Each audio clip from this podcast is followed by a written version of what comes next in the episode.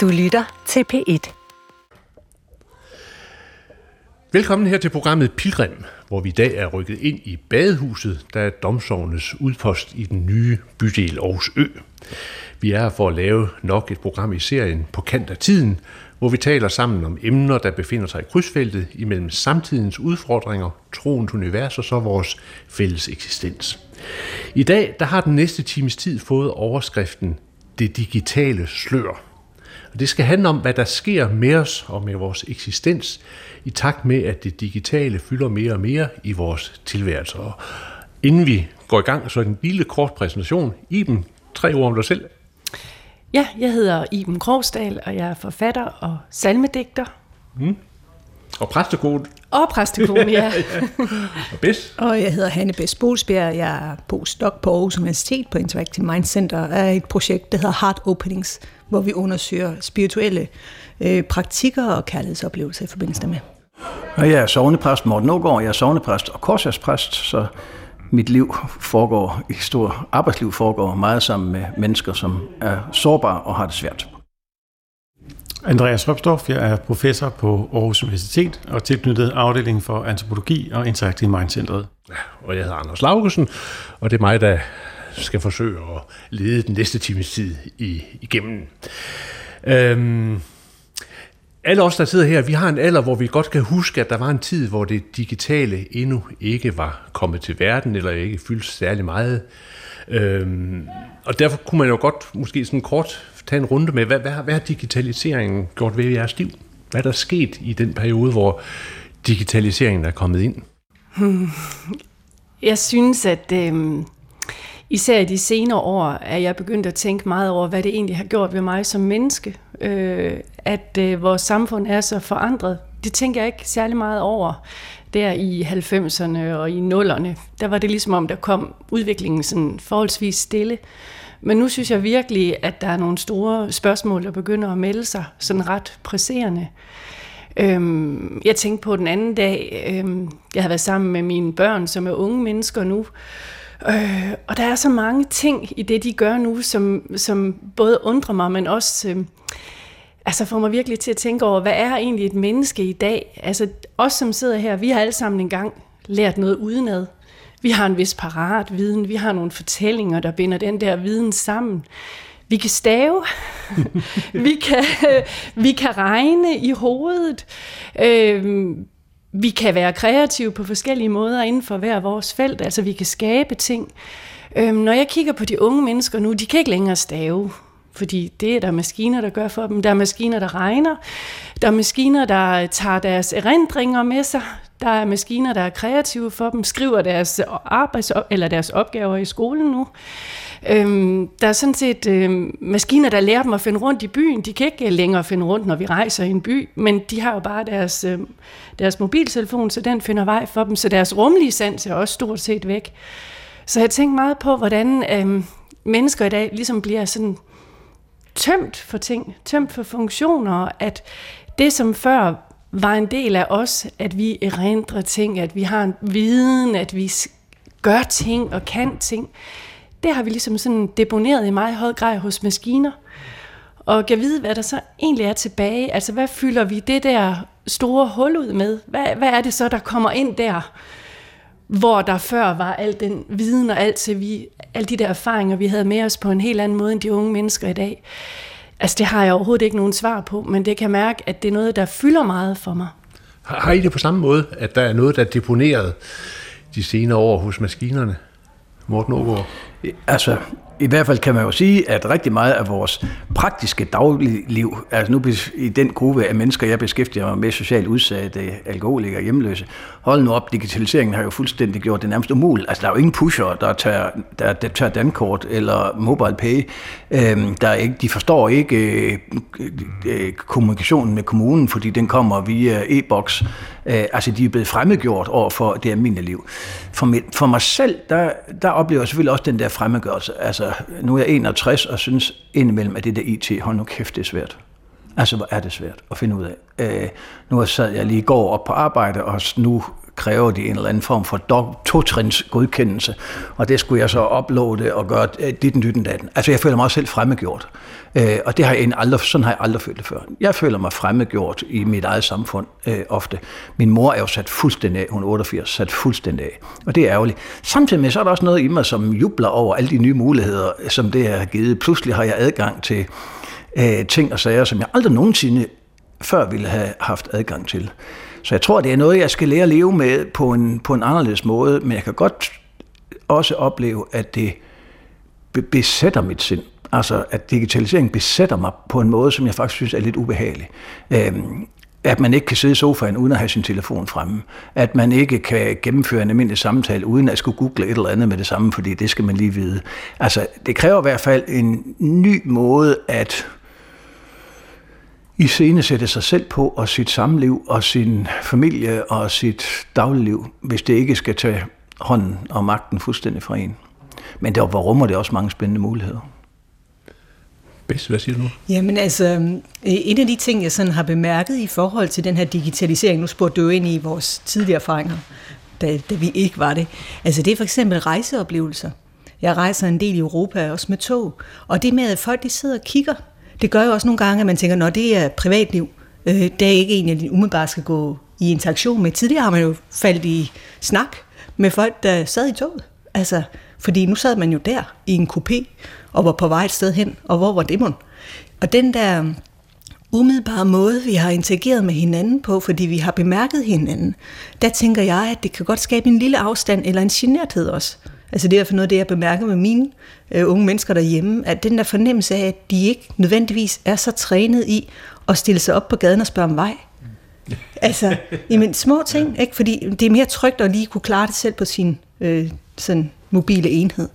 Så der er noget omkring den der socialitet, og så tænker jeg også bare fysikalitet, altså vores kropsholdninger, synes jeg bare har forandret sig helt enormt. Man ser på unge mennesker, hvor skulderen hænger lidt foroverbøjet, og nakken den er i en bestemt vinkel. Ned til mobilen. ja, men det er den vinkel, og så får jeg jo at vide, men sådan har det måske også været, når man læser meget avis. Jeg tænker, det kan da være. Men, men jeg har jo talt med fysioterapeuter, der siger, at belastningsgraden af en bestemt hældning på kraniet hele tiden gør, at hovedet bliver 12 kilo tungt i forhold til nakken. Ikke? Så vi kommer til, altså min søster, der er uddannet skrædder, siger, vores tøj er designet anderledes end i 60'erne, fordi ærmeåbningen tidligere gjorde, at vi, vi sad mere ramt. Så, så der er simpelthen forskel på tøj, fordi vi fysi- altså fysiologisk bliver påvirket af vores teknologiforbrug.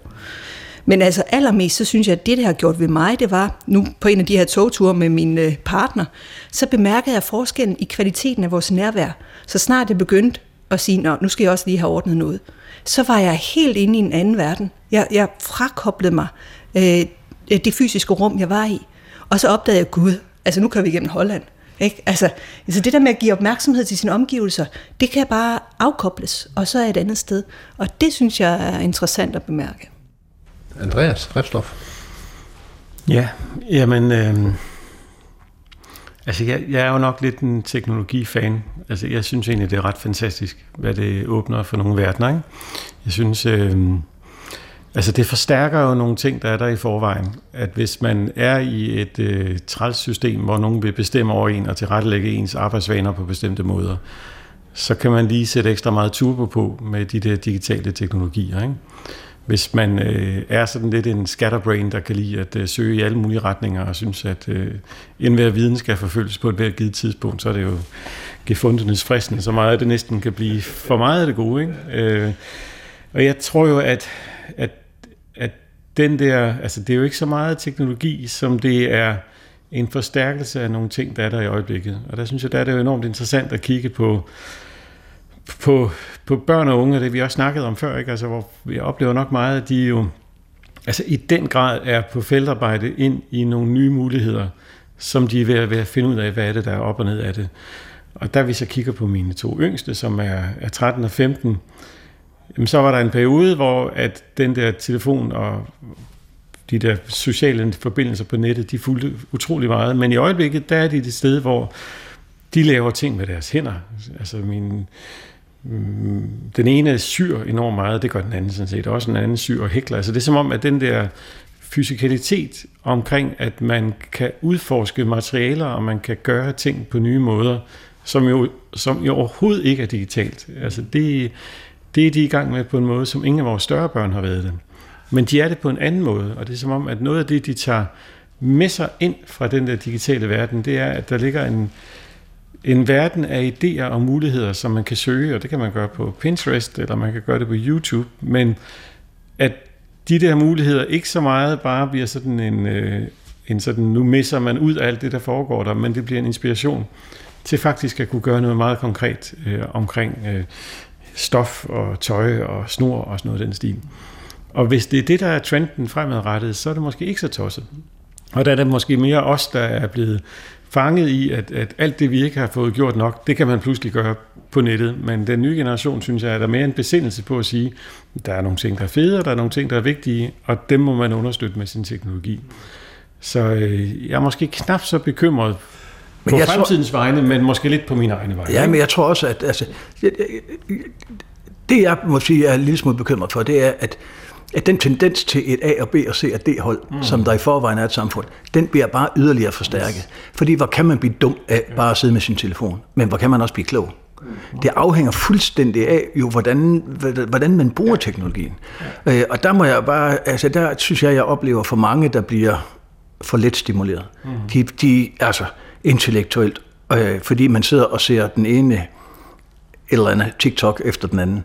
Øh, og det synes jeg bare er ærgerligt. Og, og der, der tænker jeg, det er, den, det er den ene ting, det er den der polarisering, yderligere polarisering i samfundet. Det andet er, jeg synes også, at jeg oplever for mange, hvor jeg egentlig tænker, det er ikke sundt for dig, at det er min telefon.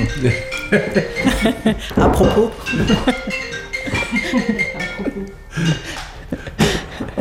Undskyld. Det var planlagt. Det var, det var så teknologien. Ja. ja. Nej, jeg, jeg oplever for mange, som jeg egentlig tænker, det her det er ikke sundt. Altså, den måde, du bruger teknologien på, det er simpelthen ikke sundt. Den hjerne, du har, den kan ikke holde til det enormt opskruede tempo. Den hjerne, du har, den kan ikke holde til så mange sanseindtryk og så mange input hele tiden. Øhm, og jeg tror faktisk, at en del af hele det der diagnosecirkus, som vi oplever i øjeblikket med så mange unge, der oplever ting og sager, det tror jeg simpelthen bliver forstærket af den der mulighed for forstærkning. Fordi hvis man har i forvejen har en hjerne, der er lidt, lidt let løber løbsk, så løber den altså rigtig meget lettere løbsk, hvis man hele tiden omgives og omgås med teknologi. Mm. Så, så var der jo det der med statsministeren, der i afslutningsdebatten øh, om de unge påpegede, at hver tredje dreng mellem 11 og 19 ikke mødes med en ven i løbet af ugen. Altså den der, at, at øh, det sociale bliver anderledes. Ikke? Der, der, der sker noget i, i vores socialitet. Men den der oplevelse af uoverskuelighed, Altså, den har jeg i hvert fald øh, meget udpræget. Jeg synes, jeg næsten hver uge løber ind i nye ting, som, som jeg tænker, altså, ikke bare er det uoverskueligt for mig, hvordan jeg kommer igennem systemet, men når så endelig kommer frem til et menneske, så fornemmer man, at systemmennesket også er, er det uoverskueligt. For eksempel, der var et eksempel på, at jeg, jeg skulle betale for min øh, sky øh, opbevaring af data. Jeg havde skiftet øh, øh Visa-kort, og øh, der fungerede Google-system så ikke sammen med øh, mit ID. Så på en rejse, en lang rejse igennem mit ID, inden jeg nåede til en, en person.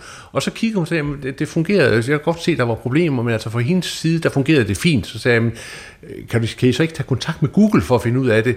Nej, nej, det var mit problem. Det var mit problem. Øh, og så pludselig, så er det jo at, på en måde, at verdenerne, min systemverden, bryder sammen. Ikke? Fordi der sidder der en i et system, som og hvad gør jeg så? Jamen, jeg går en anden vej. Jeg gider ikke at engagere mig i det. Og det er, helst, det er, det er egentlig ikke det billede, jeg har af mig selv som en, der ikke gider at engagere mig i noget. Vel? Men, men det er jo det, der ligesom bliver resultatet. Jeg kan ikke overskue det. Jeg ved ikke, om I kender den der uoverskuelighed tror jeg alle over 25 år oplever. Det, jeg synes, altså, jeg, elsker, jeg synes bare, det er så sjovt. Min gamle mor, som er 88, hun kunne blive fritaget for hele den der digitalisering. Hun skulle bare gøre det via NemID og, øh, og med sit mit, mit, dengang hed det, ja, altså, hun skulle gøre det via e-boks og NemID. Så kunne hun blive fritaget for, for altså, du ved, man bare tænke, ej, hvad har I tænkt på? Øh, men, men ja, altså, vi skal også holde fast i, at det er jo den, altså jeg tror, alle, alle tider har man tænkt, udviklingen den er farlig og svær og uoverskuelig. Og det er den selvfølgelig også nu. Og i alle de der overgange, der er, der er det særligt svært. Og der tænker jeg bare, hold op, måske har verden forandret sig mere de sidste 30 år, end den har gjort de forrige 300 år. Og det er noget af det, som jeg tænker, at det går virkelig hurtigt. Og, og der er jeg meget mere, altså der er jeg meget sådan optaget af, hvordan får vi, hvordan undgår vi det sidste, bare altid bliver det sidste. Øh, det, det, det tænker jeg, det, det, det, der bliver en stor samfundsopgave at sørge for at få alle med på vognen.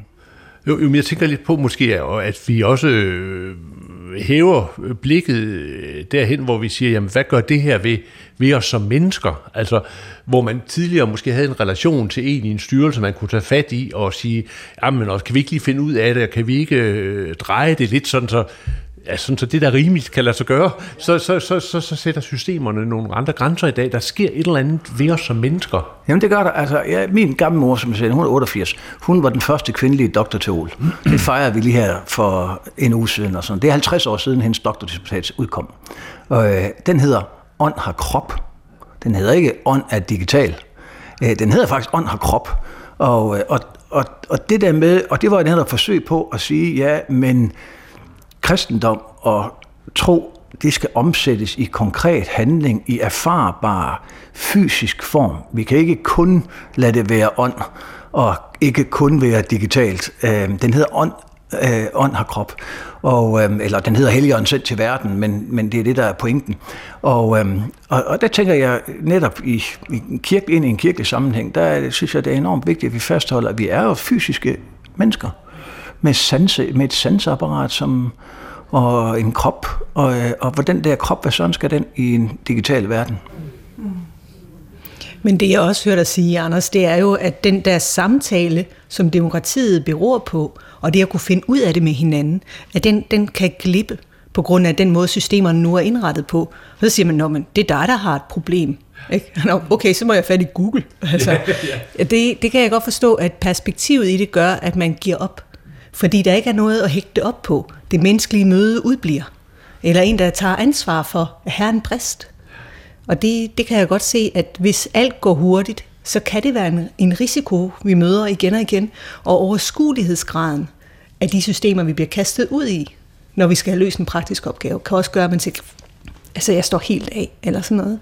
Så jeg kan godt se, at det kan gøre noget ved måden at være sammen som mennesker på.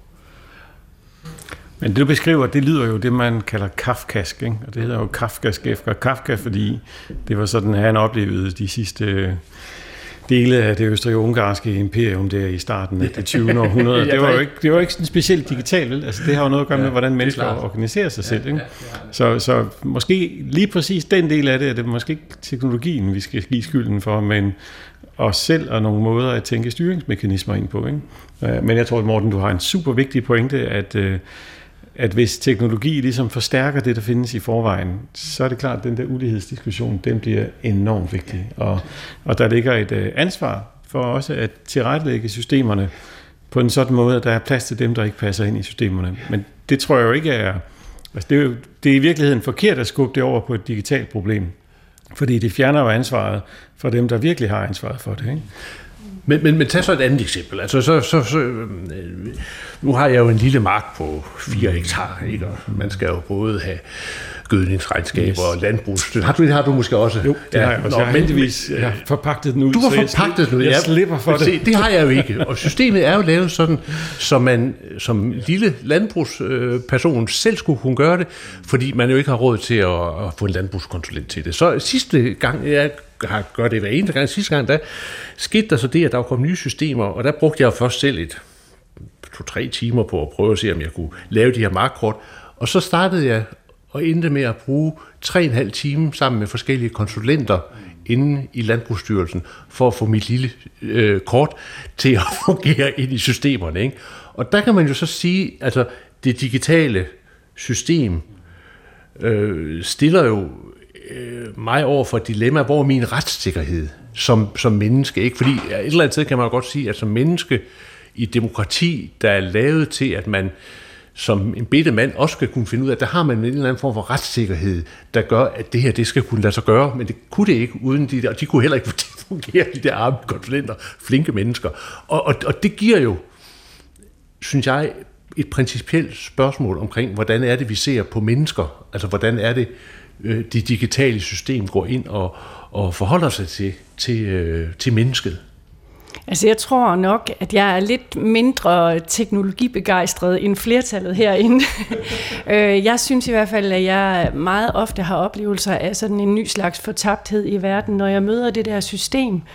Øh, jeg, har, jeg har svært ved at gå ud i en verden, hvor der ikke er så mange ansigter på systemet. Jeg synes, at der er et eller andet meget øh, grundlæggende i, som vi også siger i vores sprog, at vi skal konfrontere os med noget, at vi skal se noget i øjnene, eller vi skal face noget, eller vi skal få ansigt på nogen.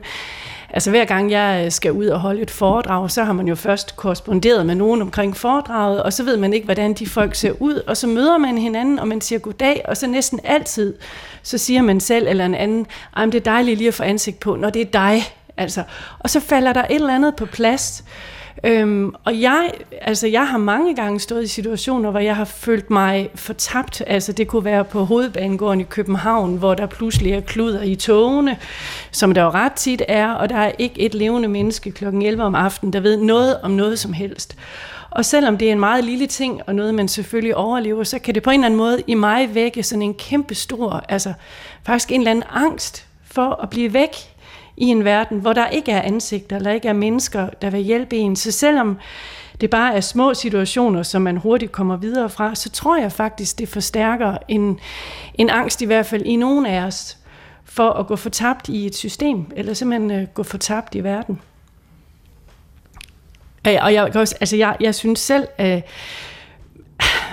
altså nogle gange, hvis jeg, hvis jeg læser meget om udviklingen af kunstig intelligens og generelt kunstig intelligens og alle de her øh, altså, advarsler, der er lige for øjeblikket om, at nu må vi gribe ind, og der sker noget meget stort og meget voldsomt. Så en gang imellem, så går jeg en tur, og så kan jeg mærke, at jeg kan blive sådan helt altså grundfortvivlet faktisk af angst, og så bliver jeg virkelig nødt til at sådan gribe fat i et eller andet. Måske tænker jeg på en linje af fader, hvor altså leder os ikke i fristelse til at lade det her tage magten over vores tanker, og lade os altså jeg tror virkelig, at mange af os har brug for at holde os selv fast i, at vi har noget at sige her, og at øh, der er rigtig mange gode ting i det her også, og vi ikke skal lade den der angst, der kan blive vagt i os på forskellige måder, tage over.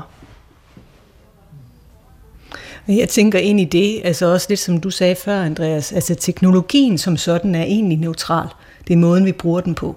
Hvis det stimulerer os til at blive mere menneskelige, ikke? At man får information på den der skærm, eller den ikke kommer, når togene udbliver. Altså et aflyst tog.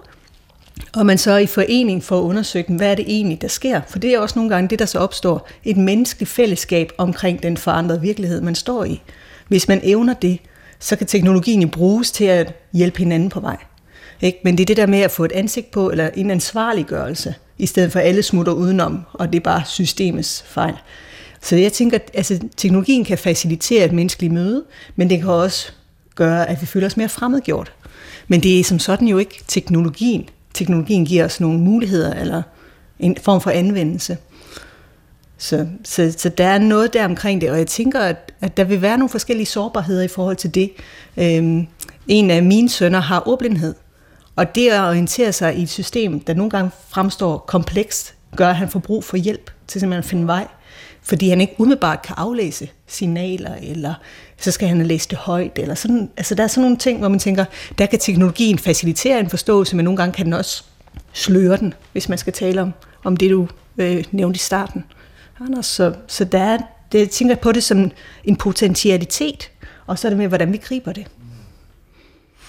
Jo, men er det, altså, er der ikke, nu spørger jeg sådan, i, i, vores, i vores kulturtradition, er der der ikke sådan en, en lang forståelse af øh, det personlige, den personlige relation, det personlige ansvar. Øh, og det kan godt være, at det ikke er mig, der tager ansvaret, men så er der nogle mennesker, som jeg kan, hvad skal vi sige, øh, have tiltro til, tager sig af mig. Det kan være borgmesteren, eller kongen, eller hvad ved jeg ikke. Altså, der er en eller anden personlig relation, som er grundstammen i min orientering i verden, i min måde at være menneske i verden på. Hvad sker der med mig, når en grundstamme i min måde at orientere mig øh, i verden på, bliver det der teknologiske slør, som er uigennemskueligt, og som nogle gange øh, forholder sig, jo, eller ofte forholder sig til, til algoritmer, der er firkantede på en eller anden måde, altså hvor, hvor, hvor, hvor, hvor den der menneskelige samtale, bøje, nu finder vi ud af det, øh, sådan set øh, ikke er muligt, fordi sådan er det ikke struktureret. Hvad sker der så med mig som menneske? Altså, øh, hvilket perspektiv er det for min vej gennem livet? Altså, jeg har sådan den der øh, gamle sang, sådan er kapitalismen kørende i mit hoved, ikke? Også utak er de, varme, de armes løn, øh, det er de riges paradis, men jeg synes fandme, det er synd, altså, fordi på en måde, altså, så jeg, jeg, jeg, tror, jeg, jeg, jeg tror måske, at øh, vi risikerer, at øh, barking up the wrong tree, som de siger på engelsk, ikke også? Altså, at, at der, er, det er klart, der er et eller andet omkring den her, kan man sige, objektgørelse af relationer, som jo sagde de Marx allerede havde fast i, fat i, at det var ligesom det, man så fat i, at, at, at det, der tidligere var det menneskelige, bliver til noget andet. Øh, den debat, tror jeg måske er vigtig at tage, både når den lykkes og når den mislykkes, og den effektivitet, den fører med sig. Men måske, og det synes jeg også, der er meget snak om i øjeblikket omkring, øh, altså hvor stort et problem bliver AI, hvor, hvor, hvor står man henne, ikke? Og, og nu kommer de her forskellige tech-folk ud og siger, at det kan være det nye verdens øh, undergang og undergangen for mennesket og sådan noget. Og de sidste par dage har der været sådan forstandige folk, der har sagt, at måske risikerer vi at forskubbe diskussionen væk fra der, hvor det i virkeligheden handler om. Og det er også noget som ulighed og magtrelationer, og hvordan organiserer vi, øh, hvordan organiserer vi vores omgang med hinanden. Og skubbe den over på noget teknologisk. Og når man gør det, så får man på en måde en form for slør for der, hvor problemet i virkeligheden er. Ikke? Og det lyder jo som en virkelig gammeldags klasseanalyse. men, men, men, jeg tror, men, men, men, men jeg tror egentlig, det har noget kørende for sig, at, at det, du beskriver her, eller den her objektgørelse af relationer, er jo ikke i sig selv et teknologisk problem. Det har jo noget at gøre med, hvordan søren vi vælger at omgås hinanden, og hvad det er, vi vælger at optimere, og hvordan vi holder den, den ulighed. Det, det tror jeg faktisk er enormt vigtigt, at vi næsten får, øh, altså, vi kan beskylde teknologien for mange ting, men måske skal vi nogle gange lige flytte fokus ind til at sige, hvor er det faktisk problemet er? Hvad er det, vi organiserer os, os selv omkring? Ikke? Øhm, altså det, jeg, jeg, jeg, jeg tror heller ikke, at teknologien i sig selv er, er, er, er problemet, men det der med sløret, det er faktisk en tanke, som også spiller en vis rolle i, i min tænkning, øhm, hvor jeg tænker, vi det bliver sværere og sværere at gennemskue. Altså, hvor jeg tidligere har haft en følelse af, at jeg trods alt kunne gennemskue min egen verden og forstå den verden, jeg selv var en del af og levede i, så oplever jeg oftere og oftere nu, at jeg bliver manipuleret med i en grad, og jeg opdager meget sjældent, at jeg bliver manipuleret med.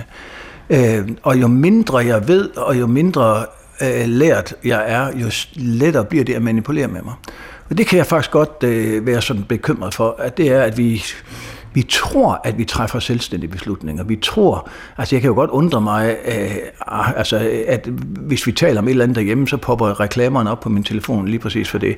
Altså at jeg bliver manipuleret i en grad, som øh, altså netop er uoverskuelig og sætter et slør op og ligesom forhindrer mig i at være den, jeg egentlig er, fordi jeg bliver en manipuleret udgave af Morten.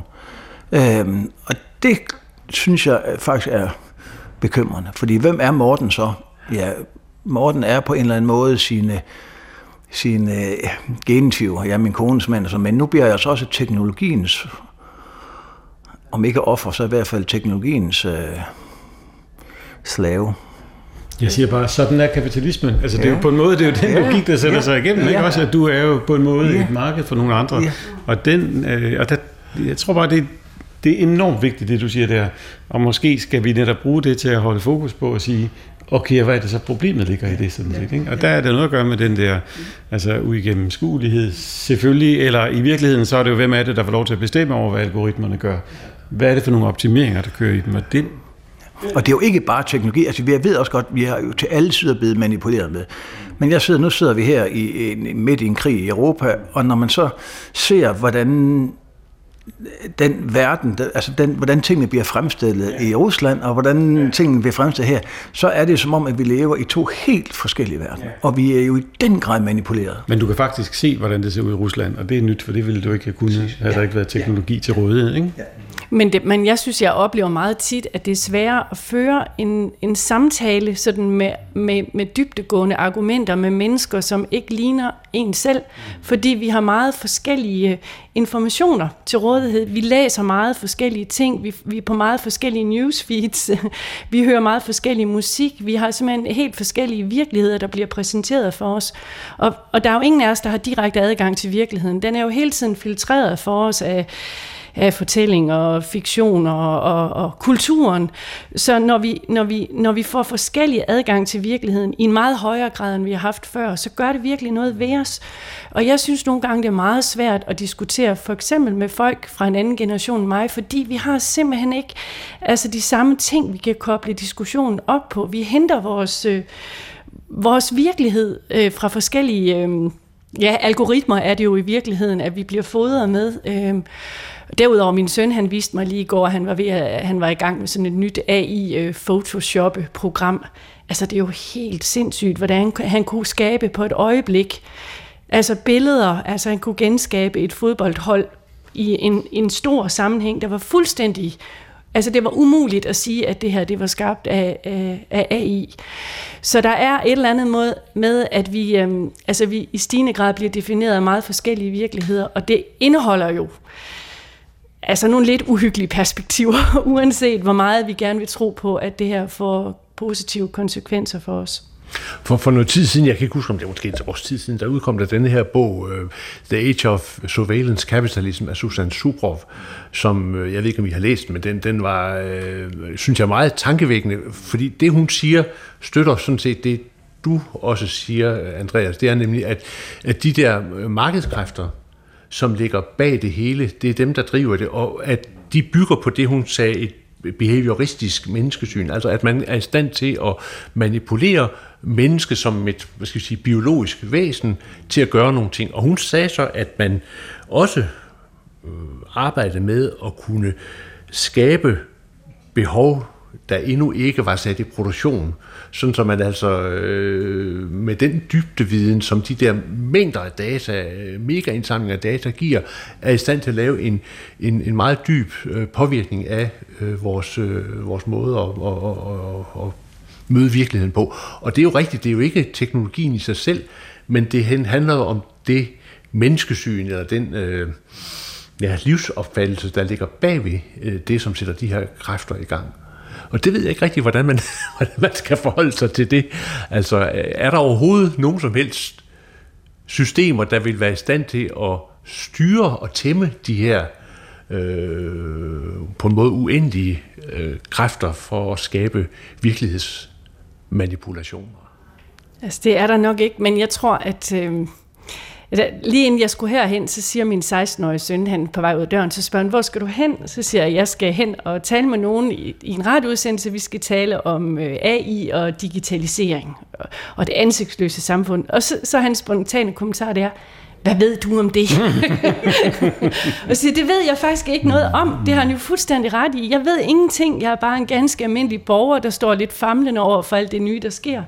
Og så tænker jeg på, på i bilen på vej herhen, at øh, altså måske er det ret vigtigt, at os, der ikke ved noget om det, vi alligevel insisterer på at sige noget.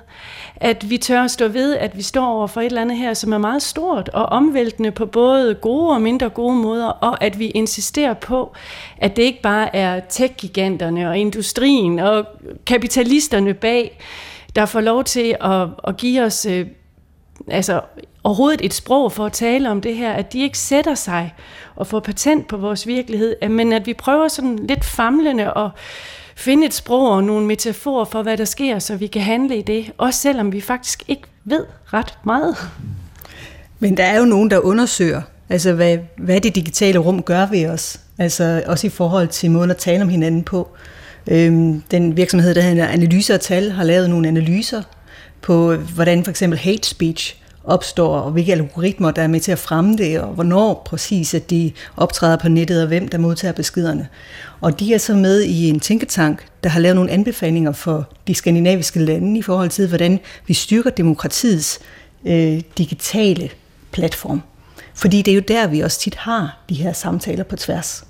Så, så der er jo nogen, der for, sådan, i hvert fald forsøger at lave nogle retningslinjer eller anbefalinger, og de er helt klar på, at det skal gøres i et internationalt regi, for at kunne øh, spille op imod de tech-giganter, som jo nu sidder på mm, altså, viden og information om, om os som mennesker.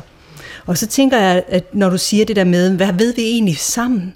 Altså den dannelsesproces, der måske har ligget inden for højskolebevægelsen, eller uddannelsen, eller de nationale informationskanaler, hvor det nu er spredt ud, så tænker jeg, at det kunne godt være, at man skulle indføre noget, der hedder digital dannelse i langt højere grad.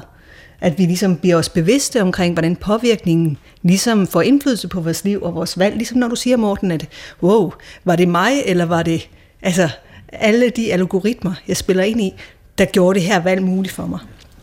Så. Jeg tror, det er enormt vigtigt altså, at gøre sådan, som vi gør nu, ikke? at man faktisk øh, sidder i et, i et fælles rum og fordeler de erfaringer. Altså, jeg har jeg kan ikke huske, om det var sidste gang eller forrige gang, vi snakkede sammen, hvor vi delte vores erfaringer med, med ChatGPT, og du havde brugt Morten til at skrive en, øh, en prædiken med, at du også kunne egentlig godt se, at det kunne gøre dig selv arbejdsløs. Ikke? Og jeg havde bedt den om at få lov at lave etnografiske, om, om den ville være min etnografiske informant, og pludselig havde den vendt om, og det var mig, der var informanten, og det var den, der var, den, der var etnografen. Og, og det, så vi, på en måde blev vi begge to sådan spillet lidt af banen, ikke? Og, og Iben, jeg har tænkt enormt meget på det, du sagde, fordi du havde prøvet at få den til at skrive et, øh, en salme eller et digt, og du var simpelthen så skuffet. Og, øh, og det var meget præcist det, du var skuffet over. Ikke? Fordi det var jo noget med, at dels var de metaforer, som den grundlæggende arbejdede med, altså den grundlæggende mening nedenunder, det var simpelthen bare for plat og for forudsigeligt. Og så var der også en, som jeg husker det, en manglende fornemmelse for sprogets materialitet. Altså det, det, det gjorde ikke det, som et godt digt skal gøre i kroppen, når man siger det og når man læser det. Og det er der ikke noget at sige til, fordi der er ikke så meget krop i den, vel? Altså det er nogle andre måder, den arbejder på. Og det synes jeg, det var jo en enormt... Øh, altså i virkeligheden var det jo dig, der havde den mest præcise indsigt i, hvad det er, denne her teknologi kan og ikke kan. Og det kom jo netop ud, fordi vi sad i sådan et rum og, og egentlig bare delte de her meget konkrete erfaringer med, hvad vi havde, hvad vi havde gået og rodet med det sidste stykke tid med det. Ikke? Så jeg tror, den der fastholdelse af at sige, jamen, der sker noget, når man er i de her tankerum sammen. Der sker noget, når man kan dele de her perspektiver og erfaringer det er guld værd, og det er enormt vigtigt, at vi ikke får koblet den del af det.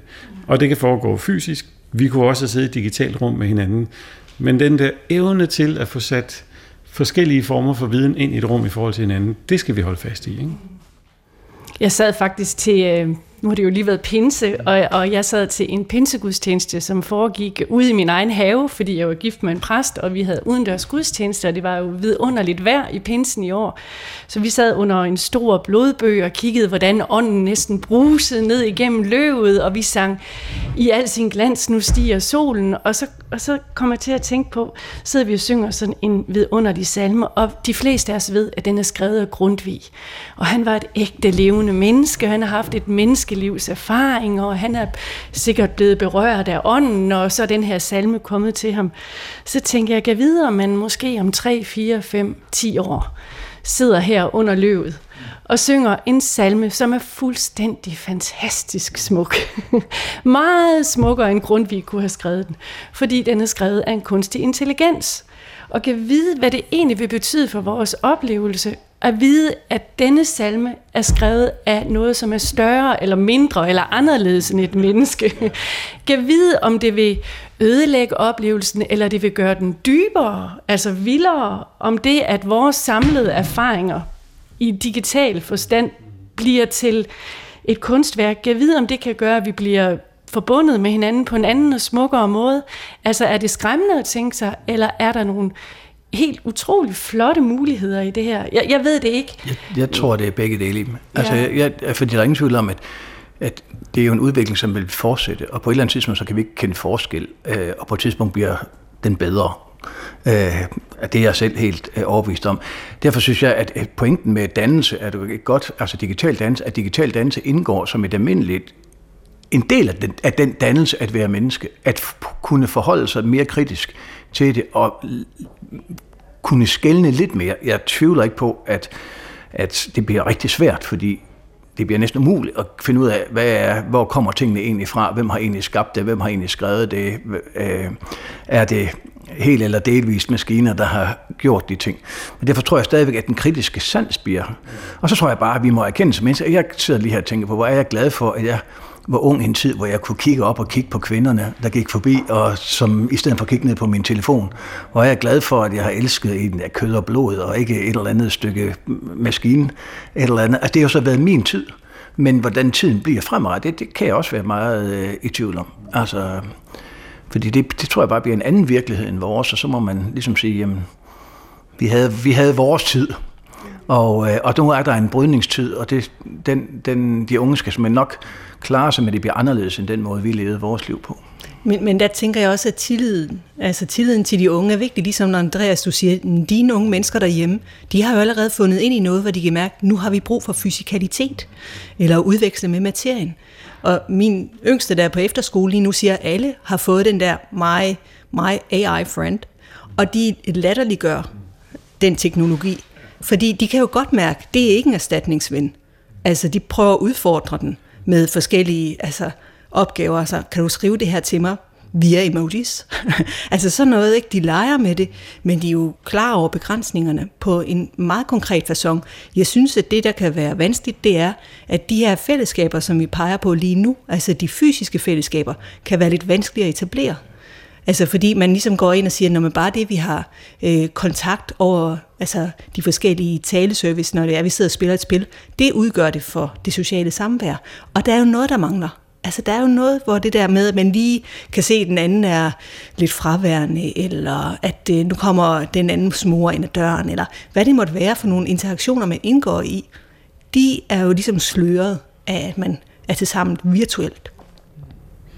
Der bliver sådan en enorm vigtig kompetence, ikke, som er den der evne til faktisk at holde, holde et rum, øh, at kunne holde det åbent tilstrækkeligt lang tid til, at man kan få gjort noget med hinanden. At det, er, det bliver lige pludselig afgørende vigtigt. Ikke? Hvordan, hvordan etablerer man det rum, som man kan træde ind i, hvor man kan få udvekslet med hinanden, og man så kan komme godt og sikkert ud af det igen bagefter. Det synes jeg, det er som om, det er noget af det, teknologien pludselig gør det enormt synligt, hvem, hvem kan gøre det, og hvem kan ikke gøre det. Og det er enormt givende, der er at træde ind i det.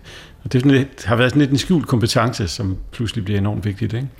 Og, og så er der vel også en, en, en, en anden ting, som, som bliver vigtig. Altså, jeg synes, at jeg i de sidste halvår er kommet øh, et andet sted hen i mit sind, hvor jeg er jeg er blevet påvirket af det der digitale slør. Jeg er nogle gange ved at opgive. Ikke? Altså, jeg har altid godt kunne lide at kæmpe imod systemer, men, men nu er jeg altså ved at, at, at på en måde give op. Øh, det har haft været flere, flere eksempler på det.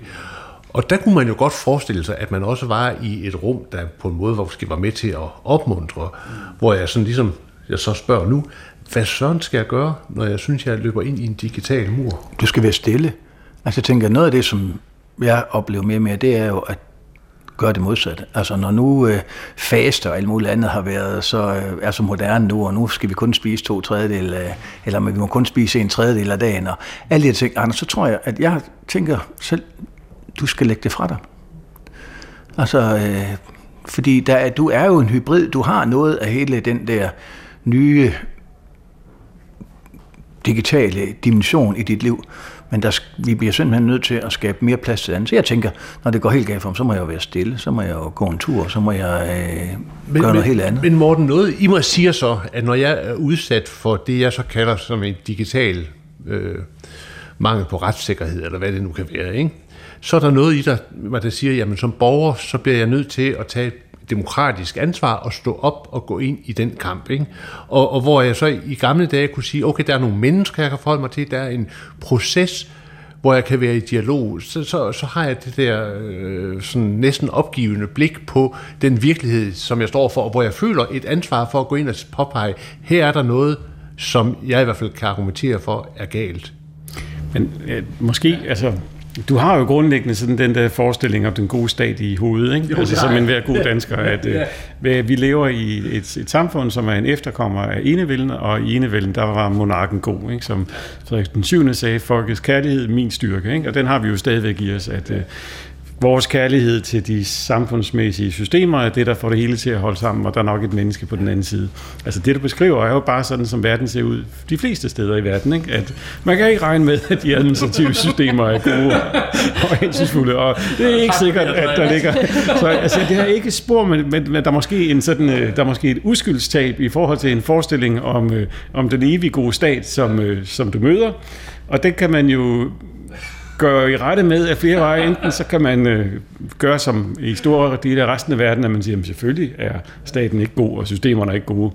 Øh, eller også så kan vi måske tage en debat om at sige, men måske er det hensigtsmæssigt nok, at vi har en administrativ praksis, og vi har nogle systemer, som ligesom understøtter den der opfattelse af, at der er nogen hjemme i en eller anden forstand. Ikke? Men jeg tror altså ikke, det, det, du, det du mærker der, har ikke noget at gøre med teknologi, men nogle omkalfatreringer i sådan den helt grundlæggende samfundsmodel, vi har herhjemme, hvor der er nogle, øh, der er nogle effektiviseringer og nogle systemtænkninger i gang i øjeblikket, som måske flytter os væk fra den der idé om, at staten er, er evig god og, og vil os det bedste. Ikke? Jo, jo, men, og det er måske meget godt, at vi mister det slør. Ikke? Det, jamen, jeg, tænker, jeg tænker lidt på, altså den opfattelse af, at staten er god, og det hele er godt, bygger jo også på en, en, en lang kristen tradition, ikke? der jo ligesom siger, at vi har grund til at have, have tillid, og kærligheden kan bære ting igennem osv. Det er jo en, det er jo en tro på, at tilværelsen vil os det godt. Ja. Ikke? Og hvis jeg først begynder at, at opgive den, Andreas, og ligesom overgive mig til, til øh, globaliseringens uoverskuelighed og alt muligt, det du siger der, så synes jeg, altså, så synes jeg virkelig, at mit liv vil øh, forandre sig radikalt. Så lever du ikke længere i en fundamentalistisk protestantisk stat, men Nej. i en multiperspektivisk global verden, og det er måske ja. meget godt, Anders, ikke? altså, altså, jeg tænkte jo også, man kan jo ikke altid have tillid til, at verden vil en det godt. Altså, der er jo mange kræfter i den her verden. Der er gode kræfter, og der er onde kræfter, øh, synes jeg, eller tror jeg, som virker igennem os. Og man skal nok ikke have for alt for blind tillid til nogle systemer i den her verden. Det er nok meget godt med en sund skepsis. Øh, jeg synes, det er en god pointe, du har, Andreas, at det Anders oplever også er noget, som mange mennesker oplever rundt omkring i verden, og vi har været meget privilegerede herhjemme, og måske også lidt naive på mange måder. Men jeg synes også, Anders, når man har den slags oplevelse, som du har, altså det jeg i hvert fald selv gør, det er, at jeg tænker, jamen altså, for alting på jorden er der en tid.